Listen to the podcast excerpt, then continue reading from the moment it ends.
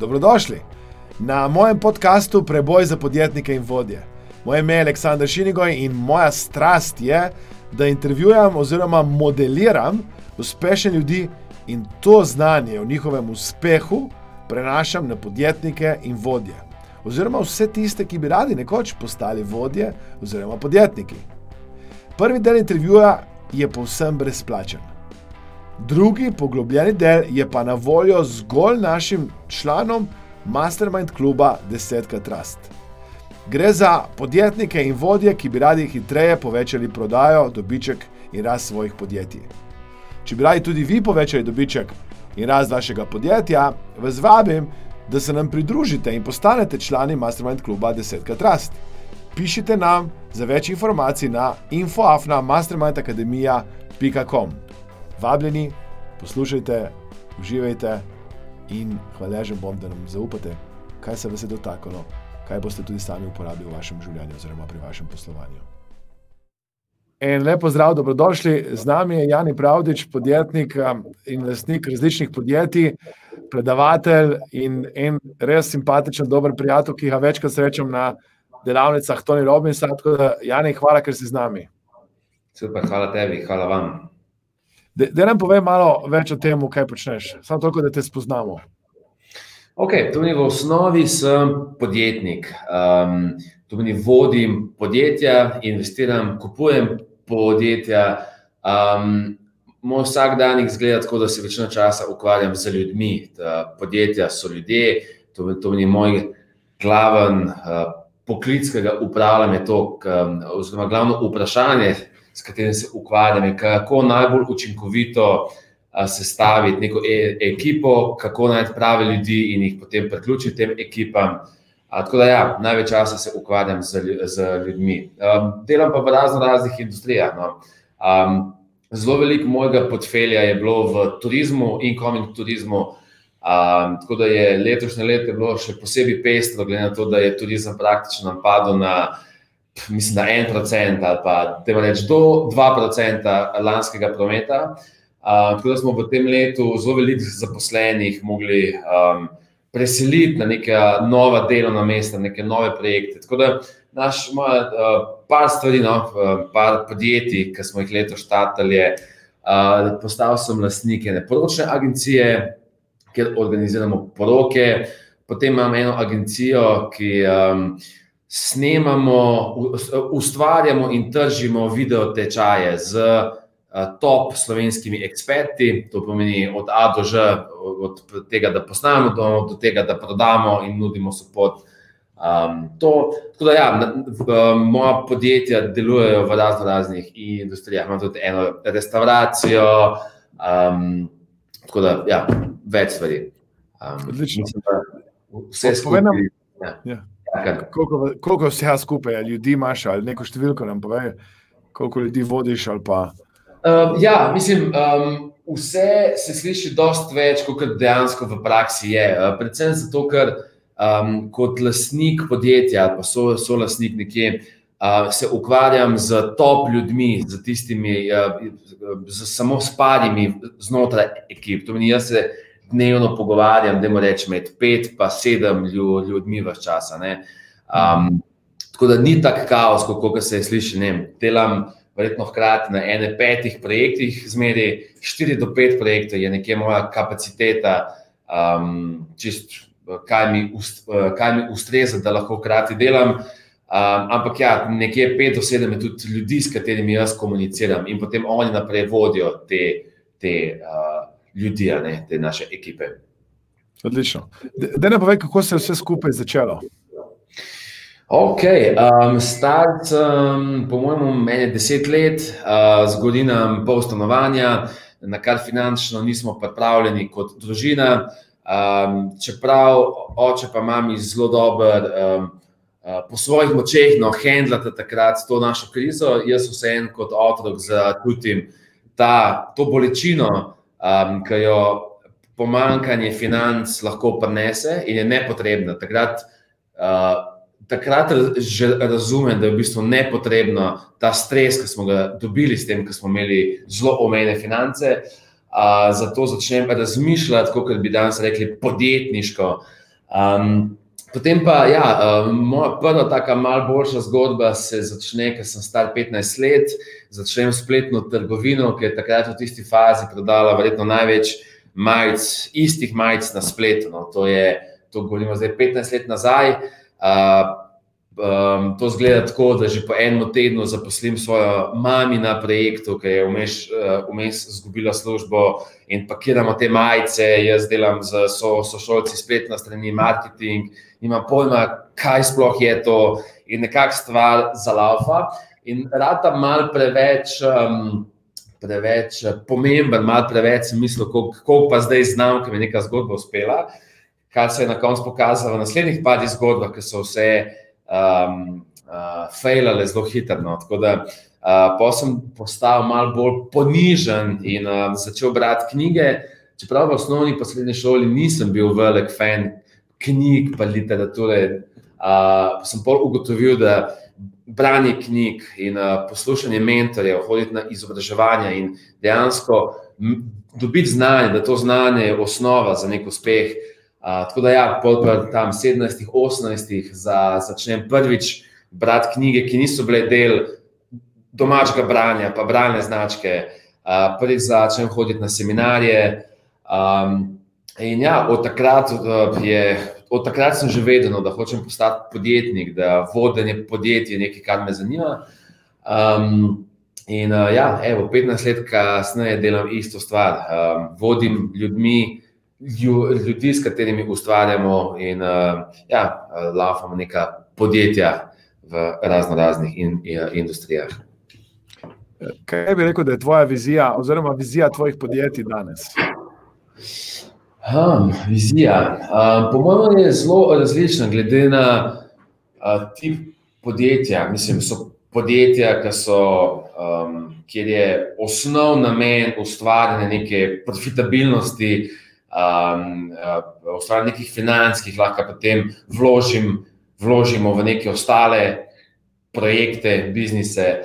Um, ampak um, vizija je v bistvu um, tako. Um, jaz do zdaj sem največ bil v fazi od nič do ena. To pomeni, da razdelim fazo ustvarjanja podjetij v nekako vsaj dve fazi. Eno je od nič do ena, to je faza ker praktično ni nič, razen neke ideje, um, in potem do ena, ki se, se stavi ta prvotna ekipa, ki se približno ve, kaj bi se prodalo, kaj bi se delalo, kdo so kupci.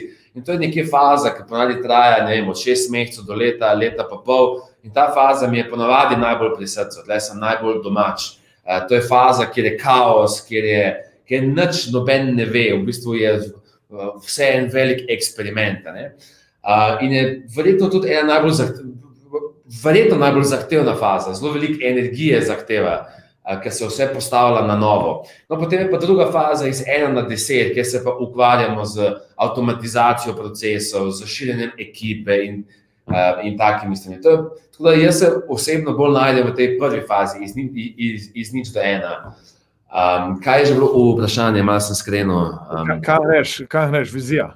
Aha, ja, in, um, in vi, vizija v tem, kar je sama ideja, je še zelo, um, zelo nefiksirana, se še zelo iščemo, jo, jo, jo še zelo ustvarjamo. Tako da vizijo ponavadi začnemo potem piliti ali pa se odločiti za njo. Ker se mi zdi, da je vizija neka stvar, za katero se odločimo, kaj je ta naša vizija. In uh, ponavadi se s tem ukvarjamo v tej drugi fazi, ker pa potem um, um, vezano na samo ekipo, na sam produkt, ki smo ga zdaj ustvarili, in, sam, in tudi na sam feedback, ki smo ga dobili od marketa. Tako da to se potem v tej drugi fazi večino ukvarjamo. Ja. Zdaj, če bi začel znova, kaj bi naredil drugače? Če bi danes začel znova, kaj bi naredil drugače? Um, s tem vprašanjem sem se dosta ukvarjal, zato ker do mene prihajajo mulci, 5, 10, 15 let mlajši, ki pravijo, jaz bi tudi bil podjetnik, kaj je tvoj najboljši na svet. In um, zaenkrat je že nekaj let verjamem v to, da najboljša stvar, ki bi jo lahko, lahko naredil oni in kaj bi jaz naredil, če bi šel nazaj, je, da bi s prvim dnevom um, si izbral nekoga, ki ga cenim. V mojem primeru je to en podjetnik, ki je na nivoju, kjer bi nekoč jaz rad bil in bi ga pripričal, da magari brezplačno delam nekaj časa z njim um, na njegovih projektih. Uh, to meni, um, če poenostavim, čim prej bi začel z mentorjem, ki je že tam, kamor bi jaz rad uh, enkrat prišel. Uh, Kako preživljaš tvoj prosti čas? Um, prosti čas, definicija um, je, kaj je to? To je čas izven službe. Ali kaj je, kaj je, kaj je to? Veš, prosti čas za podjetnika je zelo čudno definirati, ker kot podjetnik nekako se mi zdi, da je podjetje del mojega življenja in moje življenje je del tega podjetja, oziroma podjetij, ki jih, um, ki jih imam, imam, imam čez. Da, moj prosti čas dejansko je velik razmišljanja. V zadnjih letih pravim imeti na urniku vnaprej določen čas, ko ne delam nič, ko nisem na mailu, ko nisem na, na klicih, ampak dejansko razmišljam, ko se se ukvarjam z nekim, uh, uh, z nekim pomembnim vprašanjem dlje časa. Uh, se, mi, se mi zdi, da v tem času, ko imamo notifikacije, obvestila, um, Facebook, e-maili, milijon nekih klicev, da je težko dovolj časa dati pomembnemu vprašanju. Tako da jaz pravim v prostem času dejansko iti globoko in najti dobre odgovore na dobra, pomembna vprašanja, ki jih imam. Tako, to je velik del mojega, mojega prostega časa, knjige, podcasti. Uh, zadnje čase zelo veliko hodim, pravim ve, večino klicev uh, po telefonu, ki jih upravljam med, uh, med tem, ki hodim, podcaste poslušam med tem, ki hodim. Tako da to. Um, fitness dvakrat, trikrat na teden, hodim uh, k nekim vodilnim veščinam dvakrat na teden. Tako da pravim biti tudi fizično v formi, se mi zdi zelo pomembno, če hočem performati na neki mentalni ravni, moram biti tudi v formi fizično. Tudi to. Uh, tako da ja, uh, to so ene izmed stvari, ki jih počnem v prostem času. Odlično. Omenil si že podcaste in knjige.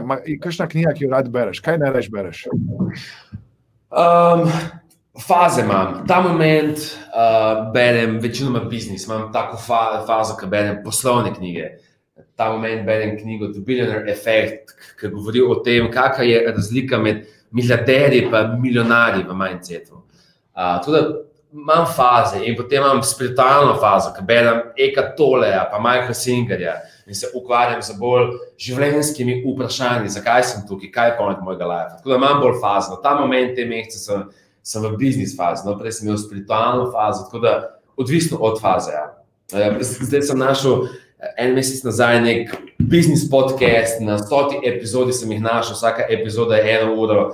In sem tako padel noter, da sem v enem mesecu preposlušal vse te epizode za nazaj, plus obstoječe. Tako da, ja, zdaj sem v, v, v, v tej podcasti, zmeri bolj, no. zmeri manj knjige, zmeri bolj podcasti, v teh mesecih, no, kaj se pa, verjetno, malo zamenjalo. Je kakšna knjiga, ki jo rad podarjaš?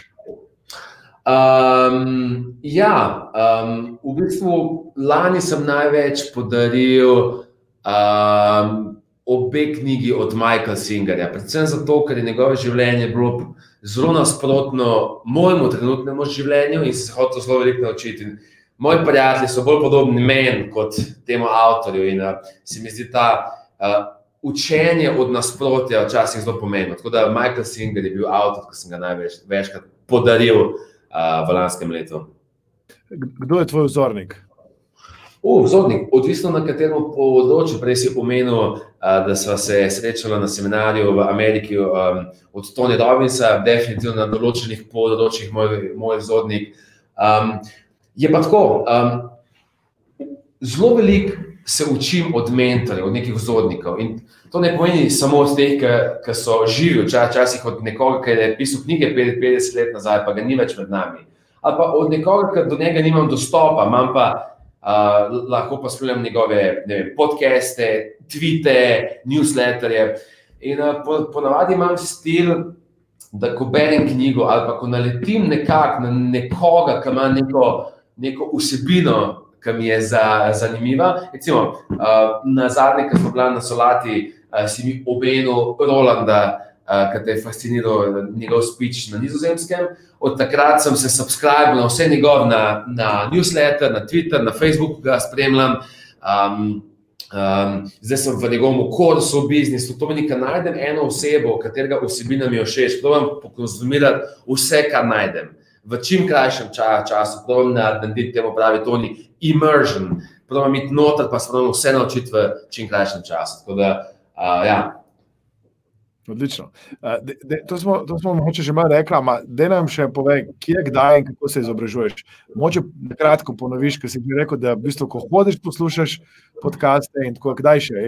Tak... Um, ja, jaz to pomeni, da greva zelo konkretno uh, v mojo rutino. Um, Subscribe sem na ene 10 do 12, verjetno podcastov in uh, vsaka epizoda, ki mi je po naslovu zanimiva, si jo.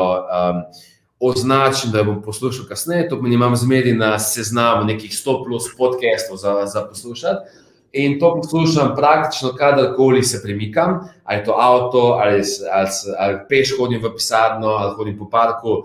To so podcasti. Potem imam Kindle, uh, to je ta naprava od Amazona, pri kateri berem knjige, ki je ta novo, nova verzija, ki je vodoodporna. To pomeni, berem v savni, v džakuziju. Um, na terasi, na morju, kadarkoli, kadar sem.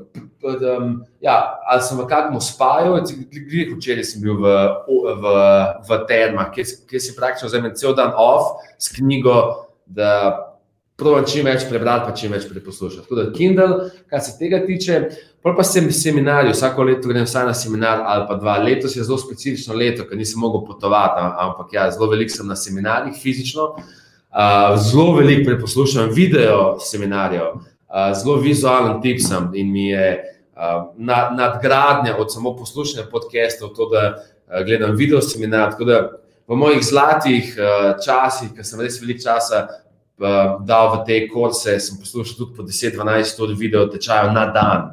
Um, in um, da čim bolj izkoristim svoj čas, pomeni, da si ponavadi pohitrim na 1,5 hitrost. To pomeni, da to eno uro slačim v, um, v, v, v dosti manj kot eno uro, uro same vsebine. No. Tako da to um, in um, ljudi, ki so okoli mene ali pa ki živijo blizu mene, probujem najti. Um, Probam najti nekaj skupnega, da se srečujem s temi ljudmi na tedenski ali pa vsaj mesečni ravni ali to prek uh, biznis kluba, ali pa to čist, da ustvarim neko rutino, nek reminder, da vsak mesec, vsak teden pokličem to osebo, uh, da grem vsaj nekaj pojesti z njima. Um, ker, um, mislim, v praksi se mi je že večkrat pokazalo, da sem postal povprečje uh, mojih najožjih. Prijateljev, s tistimi, ki sem največ časa z njimi preživel. Tako da zelo zavestno de, delam na tem, kdo je teh top pet ljudi, s katerimi se obkrožam. Kaj bi rekel, so tvoje ključne vrednote? Um, delovnost je definitivno za me postala uh, vrednota um, top five. Uh, potem um, ta stik z ljudmi, je to neka, uh, bi ne, verjetno bi nekdo temu rekel, ali ljubezen, ali nek, nek connection. Uh, to je moja tudi top five vrednota. Zdravje, ta skrb za zdravje, za mojo telesno, mentalno počutje, to so mogoče recimo, ene izmed vrednot, ki jih ki mi največ pomenijo. Kaj narediš takrat, ko si v nekih stresnih, težkih situacijah? Um, ja, letos sem imel kar nos, glede na to, da je večina mojih podjetij um, bilo v turizmu in da je praktično čez noč smo izgubili uh, vse promet, ali pa večino prometa.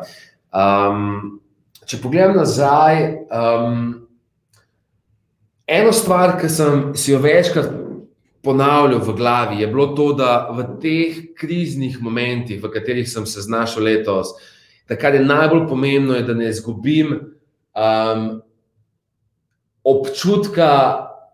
Um, kaj je slovenska beseda za certainty? Uh, to ni beseda. Um, kaj po slovensko, da mi pomaga najti neko dobro. Lahko je to sigurnost, čeprav mi tako deluje ne slovensko, ampak sigurnost je lahko ali pa neka, um, da imaš v sebi neko trdnost, moče pa stabilnost. Gotovost, mogoče neka gotovost. Da v ja. tem času zelo negotovi, ker nismo vedeli iz nas na jutro, kaj se bo zgodilo, a zdaj meje bodo odprli, zaprli, a bo naše stranke lahko šle v Slovenijo, bomo bo mogli mi odpustiti ljudi ali ne.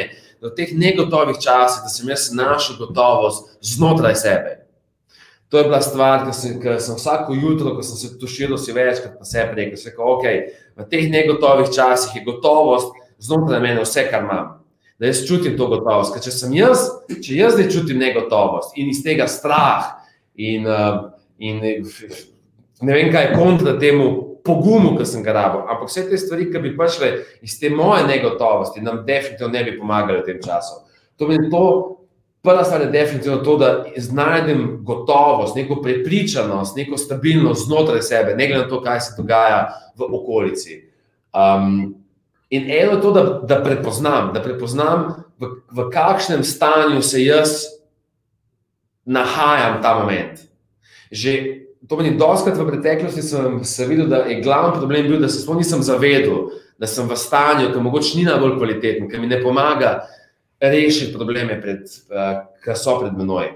Um, in to meni zdaj, vsako leto, ko imam več zavedanja, da, da prepoznam sebe, da prepoznam tudi sebe in svoje stanje v določenem momentu, da, da ko ga prepoznam, je že praktično pol rešeno. Pol že vidim, da to je stanje, ki ni najboljše, ki mi ne pomaga v, v specifični situaciji.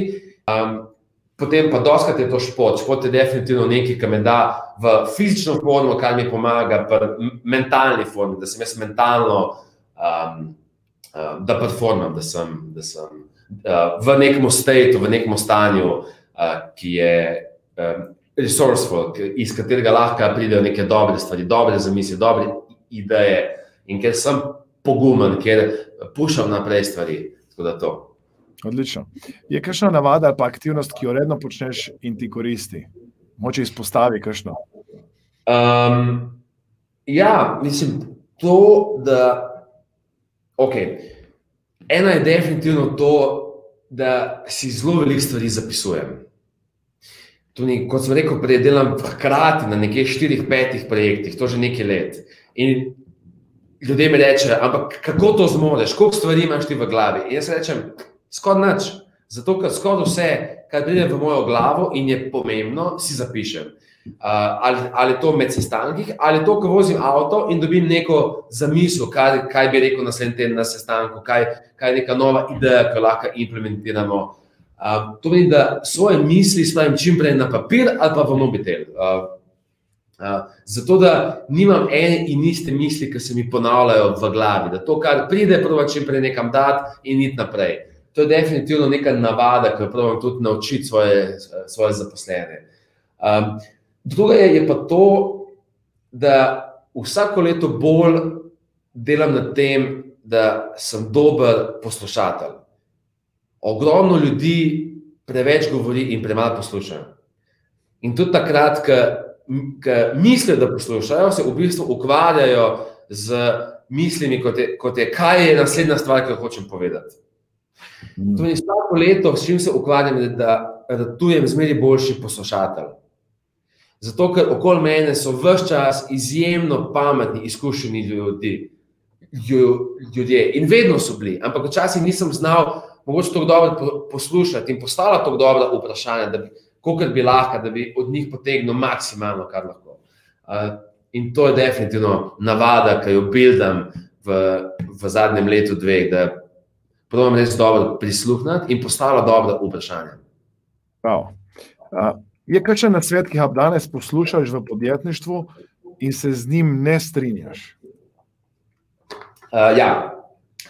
Mi smo šli iz faze, ki je bil neuspeh usoden. Če je nekdo v biznisu, ni, da mu reče, propadel, bankrotiral, je to bila njegova usoda do konca života, on je bil neuspešen. In to je bila faza 20-30 let, let nazaj.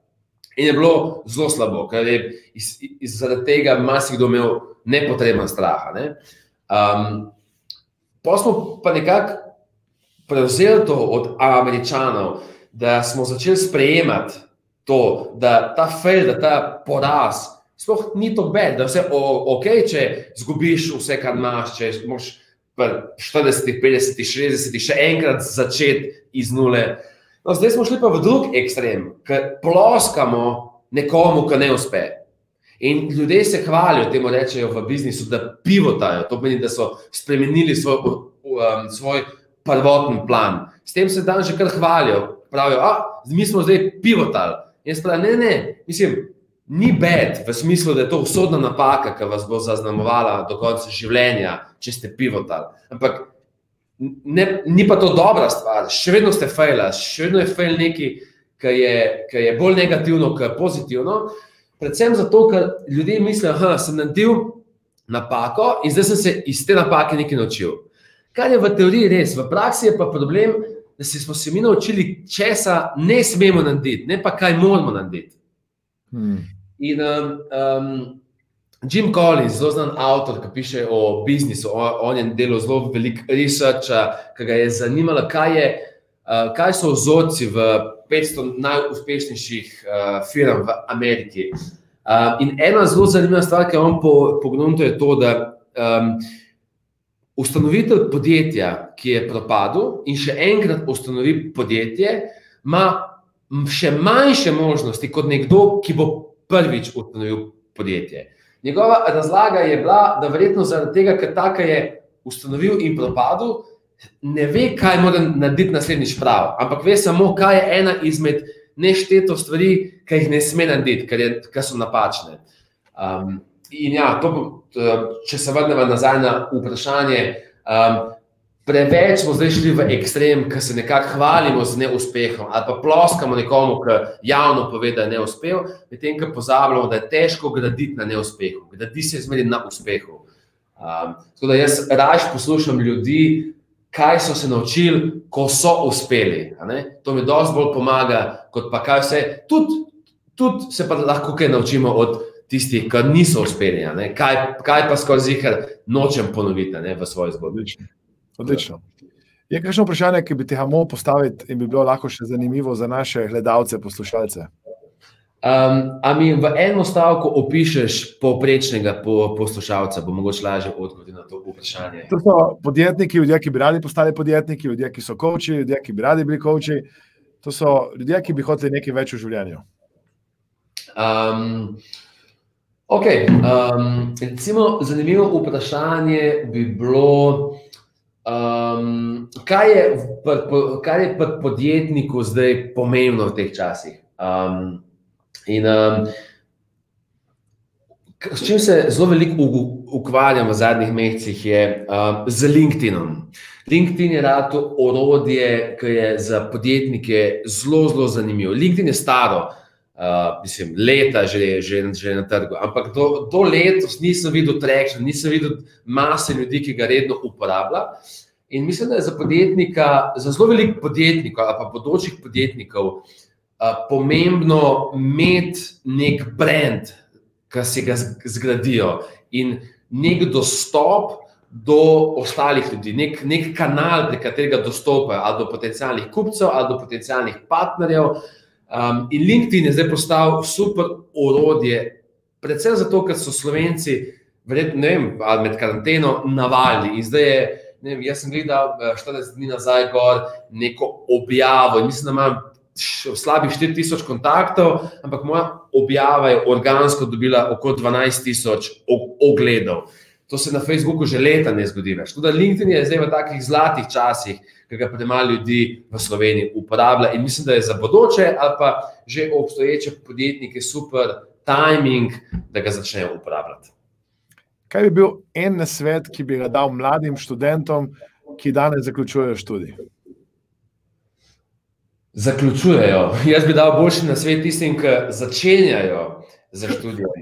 Okay. Um, um, zdaj sem se pogovarjal z mamo od ene bodoče študentke, ki um, je bila začudena, ker sem ji rekel, da finančno se bojim za, za prihodnost njene hčerke, glede na to, da se je upisala v prevajalstvo. Mislim, jaz nisem, mislim, že brez poznavanja, neke, neke strokovnega poznavanja tehnologije. Mislim, da je vsem jasno, da zelo, zelo hitro bo prišel čas, ki bo praktično AI tako močen, da večina prevajalstva bo izginila, da bi to nekdo ročno še prevajal. Ne?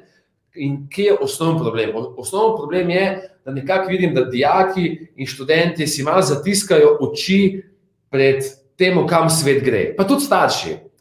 Ker ene stvari so zelo, zelo, zelo jasne. Nas nam je zelo jasno, da šoferji, verjetno čez 15-20 let, ne bodo več obstajali. Ali pa da 90% plus teh šoferjev bo ostalo brez služb, ki jih imajo danes. Zato, ker bomo imeli tovornjake in um, avtomobile, ki bojo samo vozeči.